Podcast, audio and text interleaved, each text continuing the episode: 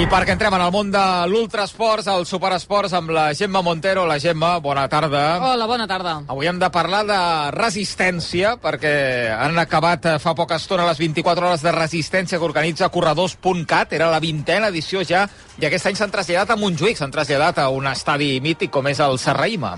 Eh, boníssim.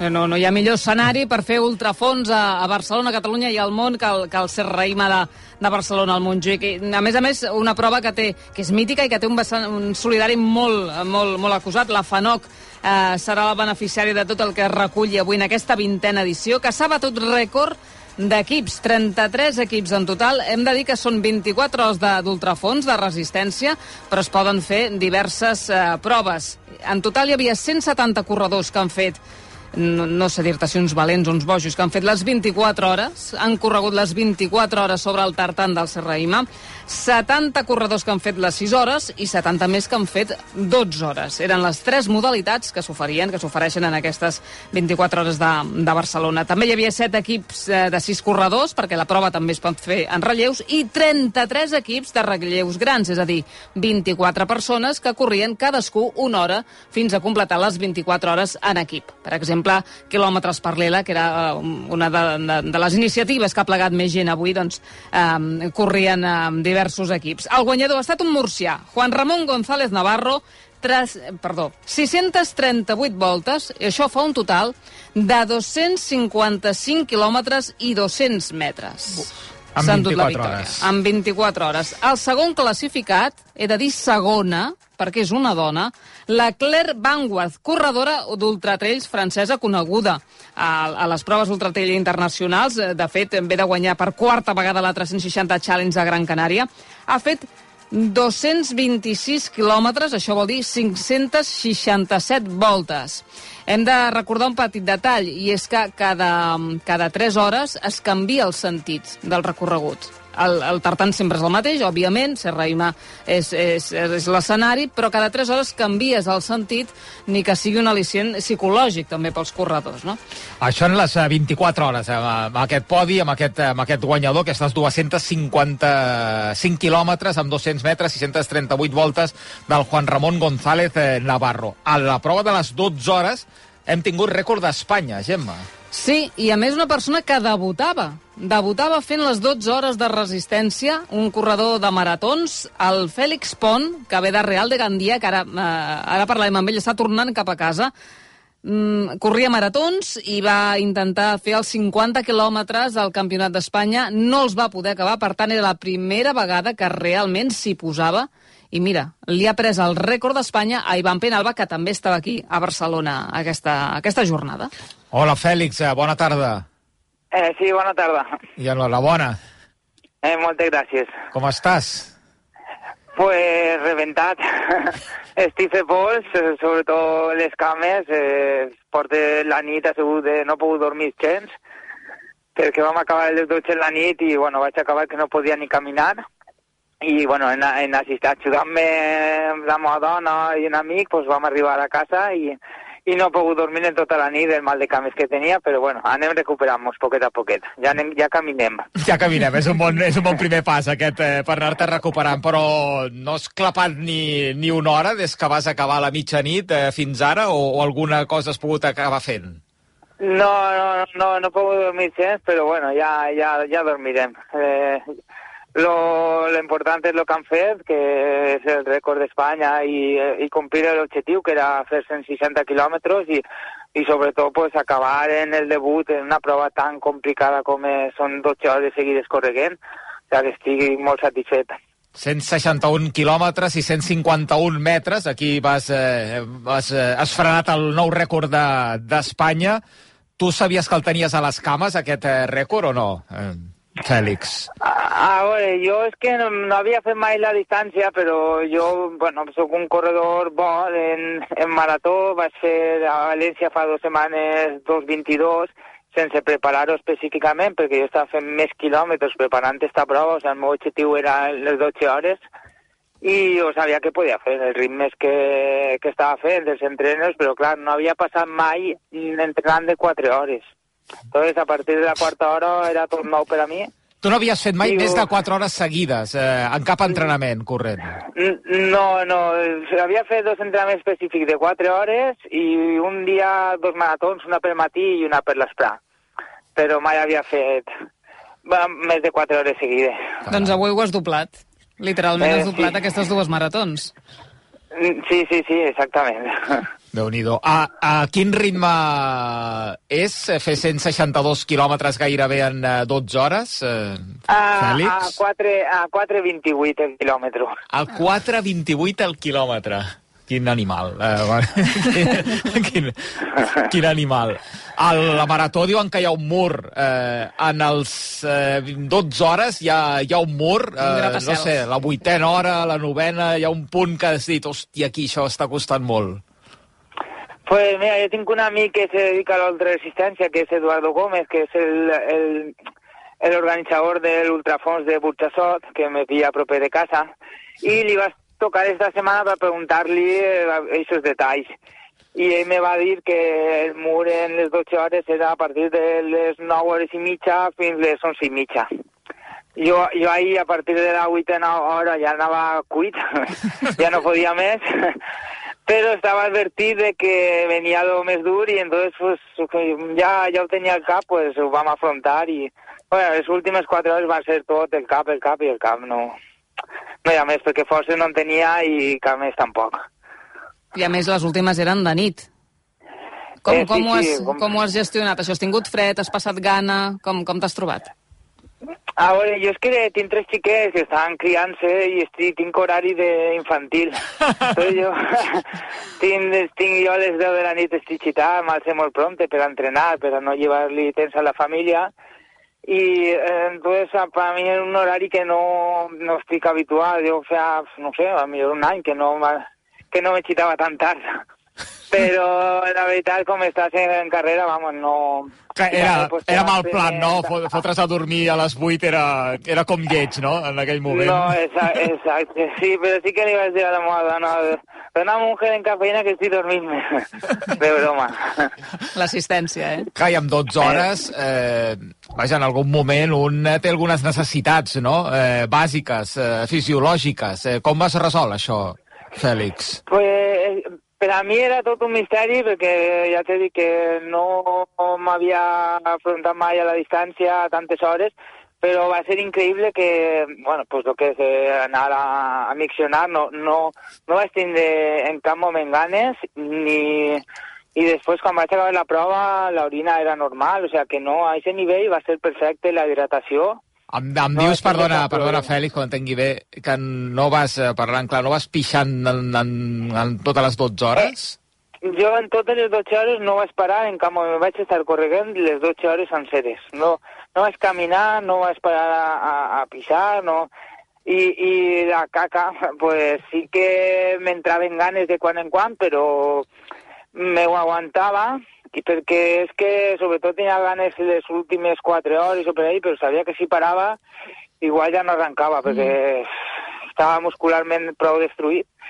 I Cap- és això, si pares, pues ja, igual ja no m'alçava. Que, però això vol dir I- que si no, si, no, si no has pixat, vol dir que has begut poc durant aquestes 12 hores? Eh, és que no, no, no crec que sigui així, perquè realment quan vaig fer la, la orina a, a la una de la nit era una orina normal, que si no, pues eh, sí que pises sang o és una orina molt que, que te pot fer mal perquè és molt densa i no, no va ser el cas, vaig orinar normal i no...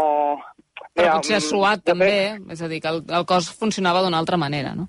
Exacte, sí, sí. Jo crec que a nivell, a aquest nivell no vaig tenir cap problema i seré dels pocs atletes que va aprofitar el, el 100% de la prova per a córrer. O sea, no, no en cap volta va, no, tampoc no vaig parar perquè sí que vaig tindre fred a partir de les 6 de l'esprà quan se'n va anar el sol, però me donaren una, una, una samarreta, una tèrmica i me la vaig ficar en marxa, o sea que no, no vaig parar en cap moment. I has aprofitat el menú que us ofereixen, que hi ha pasta i que s'acaba de seguida, és a dir, com eh, diguis, em- m'espero una volta més per agafar els espaguetis, Pep, i han volat.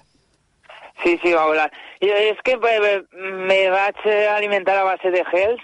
De fet, portava alguna barreta i no, va no me la vaig prendre perquè ja us dic que l'estómac pues, a mi me dona per lo que me dona i encara que ho tinc que entrenar, pues, eh, soc debutant i no done...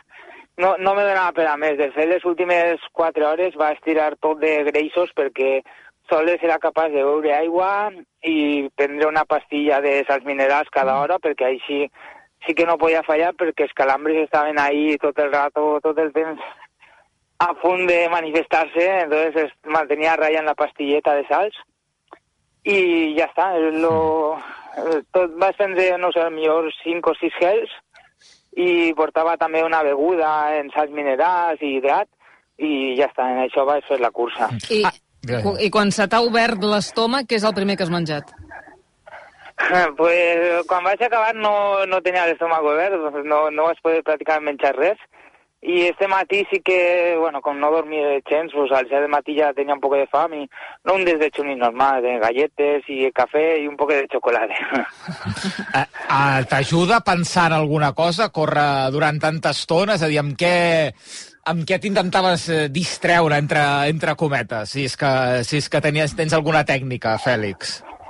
Ah, bueno, tenia la família al costat i un amic també i y yo eh, yo busqué siempre el rendimiento, entonces estaba muy centrado en la cursa, en los temps, en los pasos, en el ritme, i se va passant, la veritat, la primera part prou ràpid, per a mi, entre cometes, lo de ràpid, però a partir de l'hora 8 sí que estava cuit, ja no tenia res, i ahí sí que el minut no passaven, i pues pesava, lo que me va dir Eduardo també esta setmana, que tenia que ser com un háster, està pegant sí, mentalitat sí. hàster i, eh, i això lo del hàster pesava també pues, pico i pala o vinga, ara que tens el rècord tan a mà mai en la vida ho vas a tindre més fàcil que, que avui per a fer un rècord d'Espanya i bueno, pues, eh, fàcil, fàcil no va ser però vaig patir el que no està escrit però ho vaig aconseguir. I es gira millor cap a la dreta o cap a l'esquerra eh, en, el, en el tartà? No és igual eh, fer les voltes en un sentit o en un altre? Pues jo que vinc de l'atletisme des de xicotet i que he fet pista, crossos i, i tot això, pues sí que eh, el gir normal cap a l'esquerra te sents més còmode, però jo ahir això ni, ni, ni me venia al cap. Eh, anava concentrat en la cursa i no, no sabia si... No, era, no, no m'influïa gens. Mm. Repetiràs? Eh, mira, quan me quedaven dos o tres hores jo pensava, jo no sé què faig així, que me traguen d'ací. Normal, normal. I, I vaig pensar que ja no torna a córrer unes 12 hores en la meva vida i en canvi pues, ara, pues, bueno, eh, ara no tinc ganes de, de res, però de córrer i d'objectius, però segur que, que tornarem, no sé si en 12 o debutarem en 24 o... Ara, ara. o i jo crec que inclús igual me vendria bé preparar un, els 100 quilòmetres mm. i intentar també un rècord d'Espanya i no sé, ja, ja veurem. Bueno, t'has animat, eh? Clarament t'has animat, Fèlix. sí, a veure, jo porto correguent ja té més de 30 anys, entonces poqueta gent que, com jo que li agrada tant córrer, que, que sempre estic ahí. Mm. Què t'ha dit l'Ivan Penalba, qui tenia el rècord fins ara d'aquestes 12 eh, hores? És que no, no el conec personalment i quan he arribat, este matí he anat allí a veure el final de la prova de les 24 hores i ell estava correguent acompanyant a un, a un xic i no, i no, no han coincidit, no, no, no, no he parlat amb ell. Mm. Quan creus que tornaràs a sortir a córrer, Fèlix? Mm, pues esta setmana, no sé, dimarts o dimecres. Eh. Avui no, demà tampoc, i, i a mi el dimarts pues, anem a rodar suau, sobretot perquè ajuda a recuperar muscularment, a activar un poquet, sempre ajuda. Mm. I tens alguna prova al cap abans que s'acabi l'any, o no, alguna Sant Silvestre per allà prop de casa teva, o alguna, alguna cursa abans que s'acabi l'any o no? No, farem una Sant Silvestre en la família, però jo ja està així objectius grans, segurament faré la de Burxassot, el, el Gran Fons, però falten mesos i ara, ara no és el moment de pensar en objectius, descansar i, i ja quan comencem a entrenar un poquet en sèrio, pues ja mirarem calendari lo que, lo que ens motiva, que jo sempre pense que per a treure rendiment és que estar motivat i jo ara he trobat la motivació a l'altra distància i mira, eh, mm, jo crec que este és el... Vaig quedar una volta tercer d'Espanya en marató, uh -huh a Castelló i este jo crec que és un, per a mi quasi ha sigut més important perquè tindre un record d'Espanya és algo pues, únic i bueno, sempre quedarà que he sigut el primer en passar la barrera dels 160. Doncs sí senyor, això, sí. això no t'ho traurà absolutament eh, ningú i has aconseguit avui a Barcelona en aquest estadi mític com és el, el Serraïma, el Fèlix Pont de Real de Gandia. No et faran conduir, no, ara de tornada, eh, Fèlix? Sí, vaig conduint, vaig conduint, però bueno, sí? farem, farem les parades que... Sí, sí. Perquè bueno, han vingut en autocaravana i la meva dona no, no s'atrevís a conduir, eh, és molt gran i, i entonces me toca a mi conduir, però no, no passa res, ja, ja estic prou bé. I demà treballes? Sí, però bueno, soc autònom i treballo des de casa. Hòstia, Va, que no. encara, encara, encara pots descansar una mica. Encara podrem descansar. doncs, Fèlix, enhorabona, moltes felicitats, bon viatge de, de tornada i repetim, eh, enhorabona per aquest eh, gran èxit. Ha aconseguit el rècord d'Espanya en les 12 hores avui a Serraïma, o vaja, o la mitjanit passada a l'estadi de Serraïma. Moltíssimes gràcies. Sí, no, gràcies a vosaltres i una m'agradaria agrair a l'organització que uh -huh. Són brutals, eh, tot eh, ho fan voluntàriament i, eh, i la veritat és que mm, dediquen tot el seu temps i ho fan en gust i eh, m'han tratat espectacular. Doncs des d'aquí queda dit aquesta organització de corredors.cat eh, que rep l'aplaudiment també d'en de, Fèlix eh, Pont. Fèlix, un ple, moltíssimes gràcies. Vinga, igualment, gràcies a vosaltres. Vinga, ara caravana i cap a, i cap a casa, sí, Gemma, eh? un trosset, per, per, per estirar encara. les cames una mica, per, per fer una mica d'estiraments, eh, doncs ara una mica I de Que no s'adormi, sobretot, eh? Que, que, vagi, que arribin bé a casa. Sí, a mi em sembla brutal això, no? Que la, la tirada més llarga són 4 hores eh, en un entrenament, eh, clar, pensant que avui n'havies de fer 12 eh, hores eh, seguides i que tot i això fa el rècord d'Espanya. De, doncs, doncs el seguirem de prop, perquè no sé quin sostre pot tenir el, en, en Fèlix. Aquí també ha participat, mira, parlant de rècords eh, d'Espanya, eh, és la Carmen Maria Pérez, rècord d'Espanya de les 24 hores, Gemma, en, sí. aquesta, en aquest repte o en aquesta prova a Serraïma. I una altra valenciana. Fa dues setmanes que es va fer el Mundial a Taiwan i va fer allà el rècord d'Espanya. Podia, de fet, haver aconseguit el títol mundial, però va tenir problemes estomacals a última hora. De totes, man de, tot, de totes maneres, va aconseguir fer 241 quilòmetres, que era pràcticament pràcticament la mínima masculina que es demanava per participar al Mundial de Taiwan. Avui ha corregut eh, d'una altra manera, no com ha fet el Fèlix, no ha fet les 24 hores de,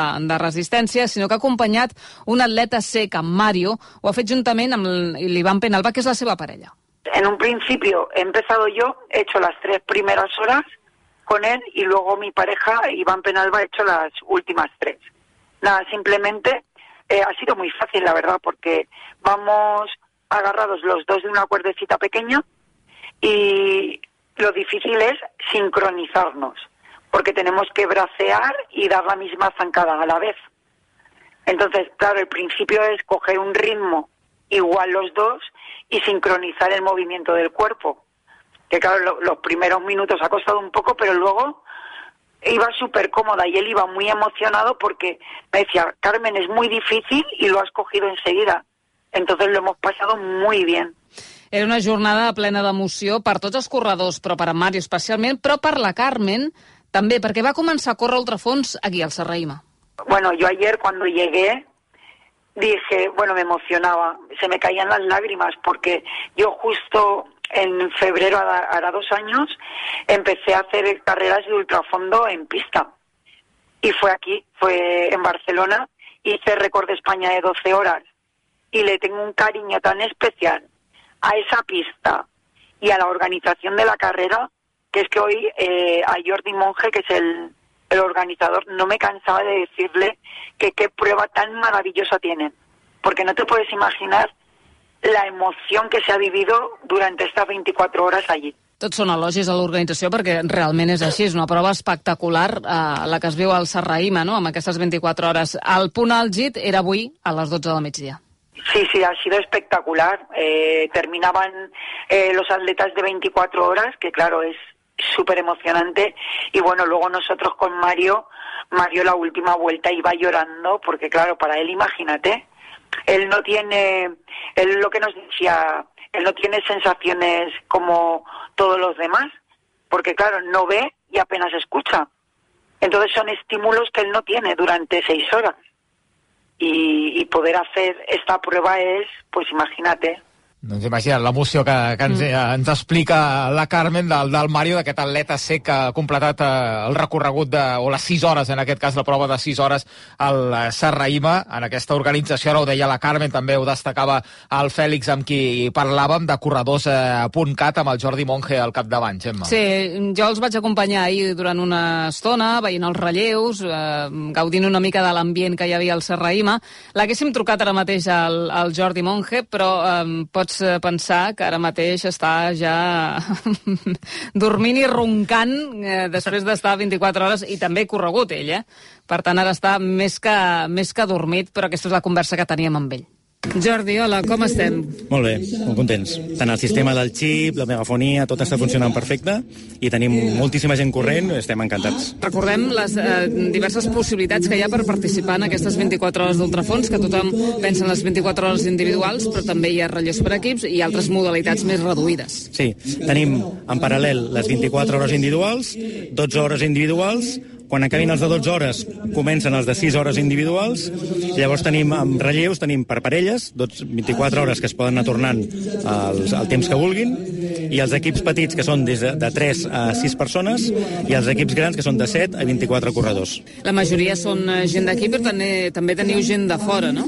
Sí, tenim gent de 26 països que venen d'arreu del món.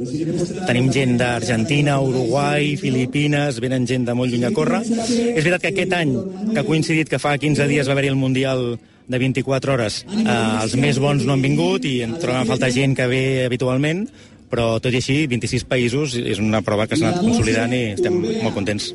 I a més heu canviat una mica, una mica bastant el lloc, ara esteu a Montjuïc, esteu al Serraïma i jo crec que heu guanyat, no? Sí, aquest any és el 20è aniversari, la primera edició es va celebrar a les pistes universitàries, però després la, la, la, de la segona a la cinquena es van fer aquí, al Serraïma però bueno, per diferents motius vam anar a parar a Can Dragó i es va consolidar com la, les 24 hores de Can Dragó, fins i tot el nom la gent deia les 24 hores de Can Dragó, però aquí al, al fer l'Ultrarunning Barcelona hem fet alguna competició i les facilitats que ens posen i les instal·lacions són molt millors i hem decidit tornar al CRM i, i realment tenim molt espai, les carpes dels nois, ai, dels corredors i dels, dels equips estan molt més amples i, i hem, hem guanyat en espai i en comoditat. Tu correràs aquesta nit, eh? Sí, jo faré un relleu amb un equip dels companys de feina, els he enganyat a tots i vindrem a fer un relleu. A quina hora? Entre 4 i... entre 3 i 4, suposo. És l'hora que hi ha menys feina i quan t'agafa també aquesta son, que va molt bé córrer, després et dutxes i, i tornes a estar activat per acabar, per acabar les 24 hores. Hi ha alguna novetat? No, ens hem de regir per la, per la normativa de la, de la Federació Internacional, no podem fer gaires invents. L'únic que hem fet és una miqueta limitar el temps dels relleus, perquè hi havia equips que venien a fer marques molt bones, llavors feien relleus molt curts igual feien 400 metres, una volta no, però igual feien un quart d'hora i canviaven, o 10 minuts i canviaven de relleu. I això provocava que l'entrada i sortida de la zona que tenim de boxes es generaven alguns... Eh, sí, col·lisions i que, escolta, mira, això és per passar-s'ho bé, limitem, i hem limitat que el relleu mínim sigui mitja hora, perquè així més o menys tothom canvia a la vegada i no hi ha aquests, aquestes sortides d'un que va molt ràpid i l'altre que va més lent i que poden generar algun, algun conflicte. Però a part d'això, la normativa és la mateixa. Uh -huh. Quants corredors teniu aquest cap de setmana aquí en total? En total, si sumem el, tots els corredors de, dels equips, tenim unes 1.400 persones, que la majoria són dels equips, perquè clar, són 33 equips de 24 persones, però després omplim en poc temps d'hauria d'inscripció totes les places de les 24 individuals, les 12 individuals i les 6 duren una mica més, però bueno, en 3 o 4 mesos ho tenim també ple. Obrim abans d'estiu, de, normalment, perquè la gent necessita temps per preparar-s'ho i planificar-se, i, i volen. El, la veritat és que són mesos d'estiu, que encara queda molt lluny, però la gent està atenta i... O sigui, gent fidel. Sí, sí. Com que, clar, la pista és molt petita, tenim tres carrers per ells, i no pots fer infinit. Clar, 170 places, si ve gent d'Argentina, ve gent de molt lluny, eh, estan molt atents i de seguida que obrim s'inscriuen. I sí, sí, molt repetidors. La majoria ja són, ens coneixem, ens saludem, ens abracem perquè, perquè venen cada any. Uh, hi ha una persona que aquest any no hi serà, que és uh, l'Andrei, que és ucraïnès i que, mm. bueno, que ha guanyat alguna vegada ja aquestes 24 sí. hores, no? Bueno, se li ha complicat la vida, no?, aquests últims anys perquè ha estat a la guerra. Una mica, una mica. La veritat és que és complicat seguir-lo perquè, perquè clar, allà a Ucraïna està, està tot com està.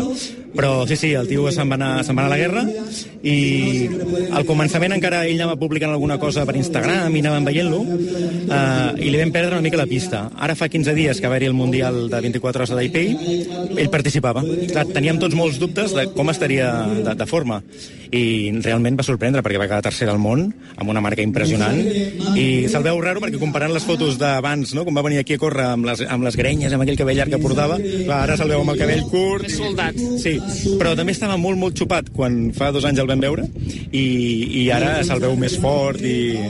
No, no, molt bé, molt bé. Estem molt contents de, de veure'l que encara segueix, perquè hi havia moments que quan publicava coses paties una miqueta. Sí, perquè, sí. clar. Però bueno, molt bé, sí, sí. Teniu també eh, campions d'Espanya, aquí, la Carme Maria Pérez, l'Evan Penalba... Sí. Eh, Déu-n'hi-do. Sí, sí, la, la Carmen, que ara quasi se'n posa a plorar, perquè ella, quan va començar a córrer ultrafons, va ser aquí, eh, fa un parell d'anys, a, a, la, a la Serraïma, i, i va fer el rècord d'Espanya, sense, sense saber que ella podia córrer aquests ritmes, va fer el rècord d'Espanya de 12 hores, i, i mira, fa 15 dies a Taipei va quedar, va fer el rècord d'Espanya, va fer 242 quilòmetres en, en 24 hores, la seva segona competició de 24 hores i va fer el rècord d'Espanya, i va anar durant moltes hores segona eh, del Mundial. I, bueno, és, és una meravella. I ha vingut l'Aliban, que fan els dos de guies d'un corredor sec que participarà a les 6 hores, i sí, sí, tenim aquest, aquest any és això, el no a l'haver vingut el, el Mundial tan a prop, doncs ens falta gent com el Kiko, per exemple, Clar. que va batre el rècord d'Espanya allà, i... però sí, no estem molt contents perquè també el nostre gruix de participació és el popular, i aquest ambient que genera, i aquest bon rotllo entre els equips, entre els corredors... com els quilòmetres per l'ELA o d'altres, moltes causes solidàries. De fet, vosaltres mateixos, no? Eh, recolliu diners per la FANOC. La, la nostra, nosaltres ho organitzem tots mm, com a voluntaris, és una associació sense ànim de lucre, i tot el que recollim anirà a la FANOC per la Casa dels Xuclis i, i les famílies amb nens amb càncer, però, com bueno, us vam explicar fa, fa l'altra vegada, eh, és un punt de trobada de moltíssimes causes. Hi ha una fundació que treballa per gent gran, els de la piel de mariposa, els, els de quilòmetres per l'ELA, hi ha moltíssimes causes solidàries i, i és, un, és un orgull veure com això pot ser no, un punt de trobada per tantes causes, perquè aquestes són les que surten més, però després hi ha molts corredors que diuen, va, per cada quilòmetre que faci, eh, feu una donació. Hi ha gent que, o entitats o empreses que, va, doncs jo donaré tant per cada quilòmetre que facis.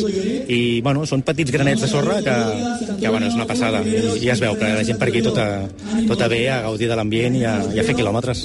I hi ha gent que debuta, no? Suposo, també, aquest any. T'has trobat amb alguna anècdota d'algun algun rookie? No, ens ha sorprès molt el, revi- el revisar el llistat d'inscripcions, que hi ha molt, perquè això va per categories d'edat, i hem vist que hi ha moltes noies de menys de 23 anys. És sorprenent perquè l'ultrafons és una cursa, és una competició de, de, de gent ja que ha fet molts anys d'atletisme o que ja Que porta... suma molts anys quilòmetres a les cames, no, precisament? I, i veure gent tan jove, eh, ostres, ens, ens encanta. I, la- i l'Ajuntament això també li agrada molt. O sigui, la participació femenina que estem potenciant tant, doncs veure que hi ha gent, no, noies joves, no, no els relleus d'equips, eh, no, individuals. O sigui, a les 12 hores, a les 24 hores, hi ha moltes noies joves corrent i, bueno, veiem que té futur l'ultrafons. Eh, I cap incidència de moment, eh? No, uh, a part de que teníem un passacables per aquí que una noia ens pagat i s'ha fet separat el genoll, a part d'això no he tingut res. Jo crec que si corres per aquí, per Montjuïc, el genoll també te'l peles fàcil, no cal que hi hagi cap cable. Sí, sí. I crec que teníeu, si no recordo malament, teníeu una tradició musical eh, per acabar les 24 hores. Sí, tenim, tenim dos tradicions. Bueno, aquí, a, a Serrima, no hem de pagar la música per la nit, ens deixen tindre l'encesa, però des de sempre, la primera cançó que posem el diumenge al matí quan posàvem la música era el Bon dia dels pets, que la gent ja, ja comença a sortir el solet i s'animen perquè la nit és molt dura i molt freda, i acabem sempre amb el Don't Stop Me Now de Queen, que és el moment apoteòsic on fem anar tots els acompanyants, a tots els equips, a fer un passadís per, per fer-li una miqueta no, el, el passadís d'honor a tots els corredors que acaben les 24 hores plorant, abraçant-se i amb les emocions a flor de pell. Estàs desitjant que arribi el moment o no? Sí, però m'agrada gaudir-ho des del començament, eh? Tota, i, I això que la nit és dura, eh? Perquè la nit aquí amb la humitat i el fred eh, es passa... Però, però ostres, portes tot l'any preparant-ho eh, que, que, que durin les 24 hores per poder-les gaudir. Nosaltres també és un orgull i, i la gent t'ho agraeix i s'ha de, viure. Jo crec que RAC1 hauria de fer un equip uh, l'any que ve, Sí. oi? Ja, ja, fa, Sí, ja, ho sí. vam, ho vam Sí, insinuar ho vam dir, fa dos no, anys sí. i tots sí, molt xulets. Sí, sí, sí, farem, farem, però aquí no s'ha apuntat ningú.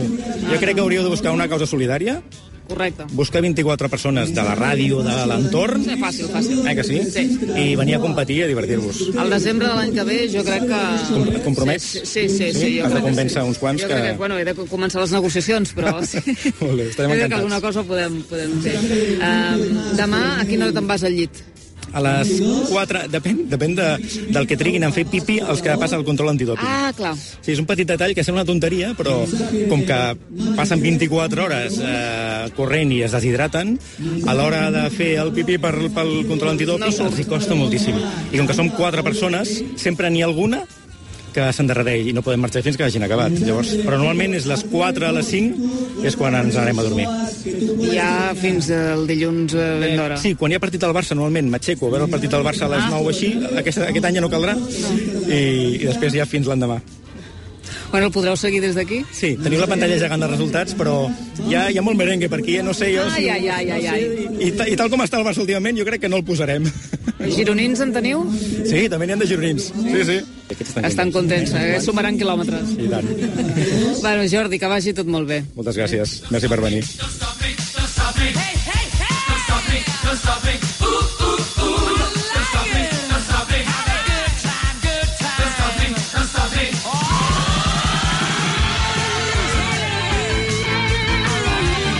Doncs, Top Me Now, la, una, la cançó amb la que s'acaba en aquest repte de les 24, de les 12, de les 6 hores, cadascú eh, les que vol fer en aquesta gran iniciativa eh, de corredors.cat amb el Jordi Monge al capdavant, aquí ara escoltàvem, que s'explicava de meravella i que ens llançava aquest repte. Sí, sí, eh, sí, no, Gemma. va en sèrio, eh? Home, jo un És de equip veritat, de eh? 24 persones, Jo, jo, crec que el fem aquí a veig, RAC1. no?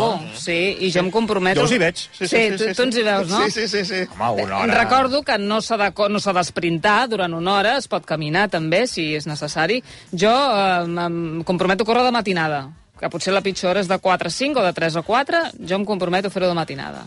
Per tant, això eh, ho parlem demà, no? Comencem a parlar-ho demà de, mateix. Desembre del 2024. Sí, d'aquí un any. Exactament d'aquí un any. Joan Camí, una horeta, no?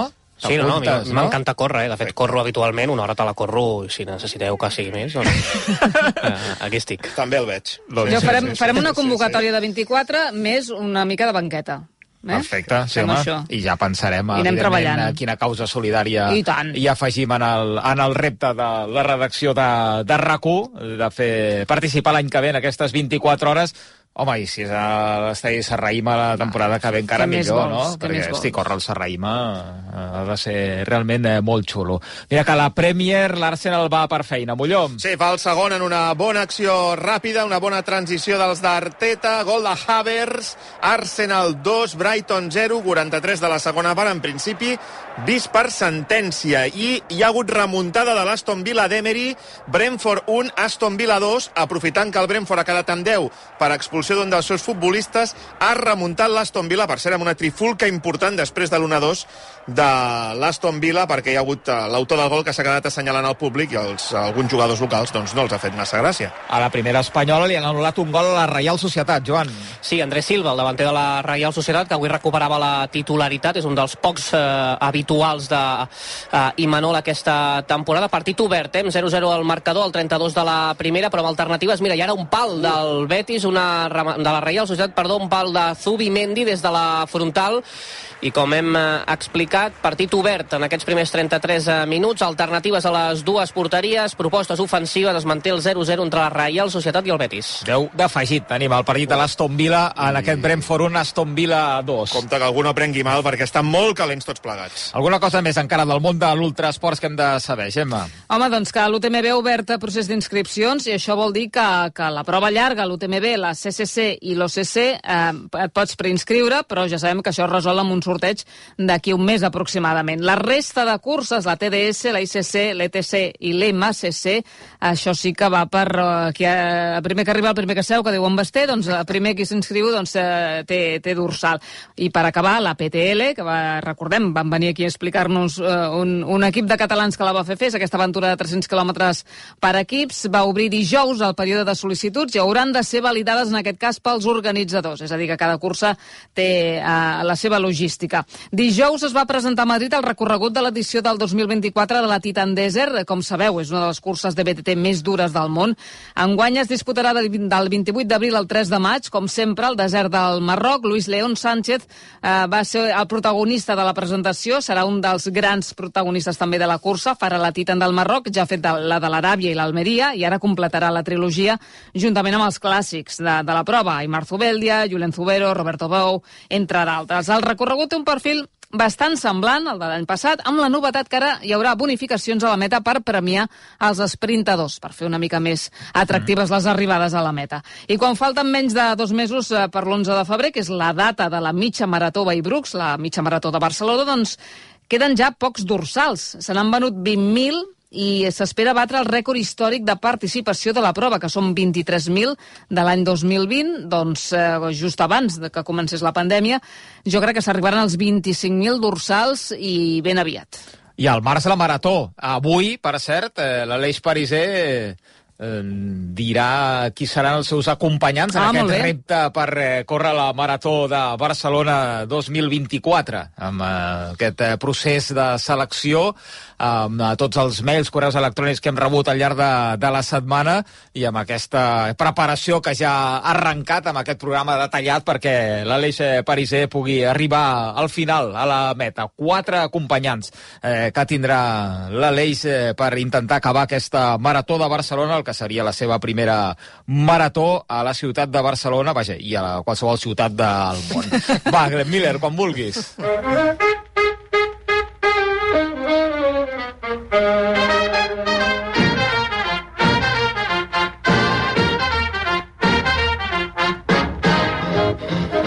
Arribem a la meta, com sempre, amb el Miquel Pucurull, que avui reflexiona sobre l'esforç dels esportistes d'elit. Amigues i amics, Alfons Avellan, un atleta nascut a Andalusia i arrelat a Catalunya, va ser un dels millors maratonians d'Espanya de finals dels anys 80. Amb una marca de 2 hores 13 va ser olímpic a Seul el 1988. Li recordo una afirmació que va fer en una xerrada al Col·legi de Metges uns dies abans de la Marató de Barcelona del 90. Córrer i entrenar com ho fan els atletes d'èlit, és extremadament perjudicial per la salut, la física i la mental, va dir. Em va impressionar. Després l'he escoltat dir a molts altres, però aquell va ser el primer cop. Respecte la, de la salut mental, ve a tom el que va passar fa uns dies en la persona de la corredora de curses de muntanya Emilia Brangefalt, una de les referents de Suècia. L'atleta patia una depressió després de saber que no podria seguir corrent per problemes cardíacs i es va llevar la vida. Nou dies abans de suïcidar-se, va publicar una carta a la xarxa en la que expressava la seva tristesa per veure's obligada a abandonar el món de l'esport. És un cas extrem, però no és l'únic. Els esportistes d'alt nivell estan subjectes a moltíssima pressió i han de tenir el cervell molt ben moblat a fi efecte que la seva ment no se'n ressenti. Fins l'any que ve, correu, ho correu molt i bones festes. Doncs bones festes també pel Miquel Pucurull, bona entrada d'any i l'any que ve hi tornarem amb més històries eh, per tancar, com sempre, l'Ultra Esports. Gemma, gràcies, fins la propera. Adéu-siau.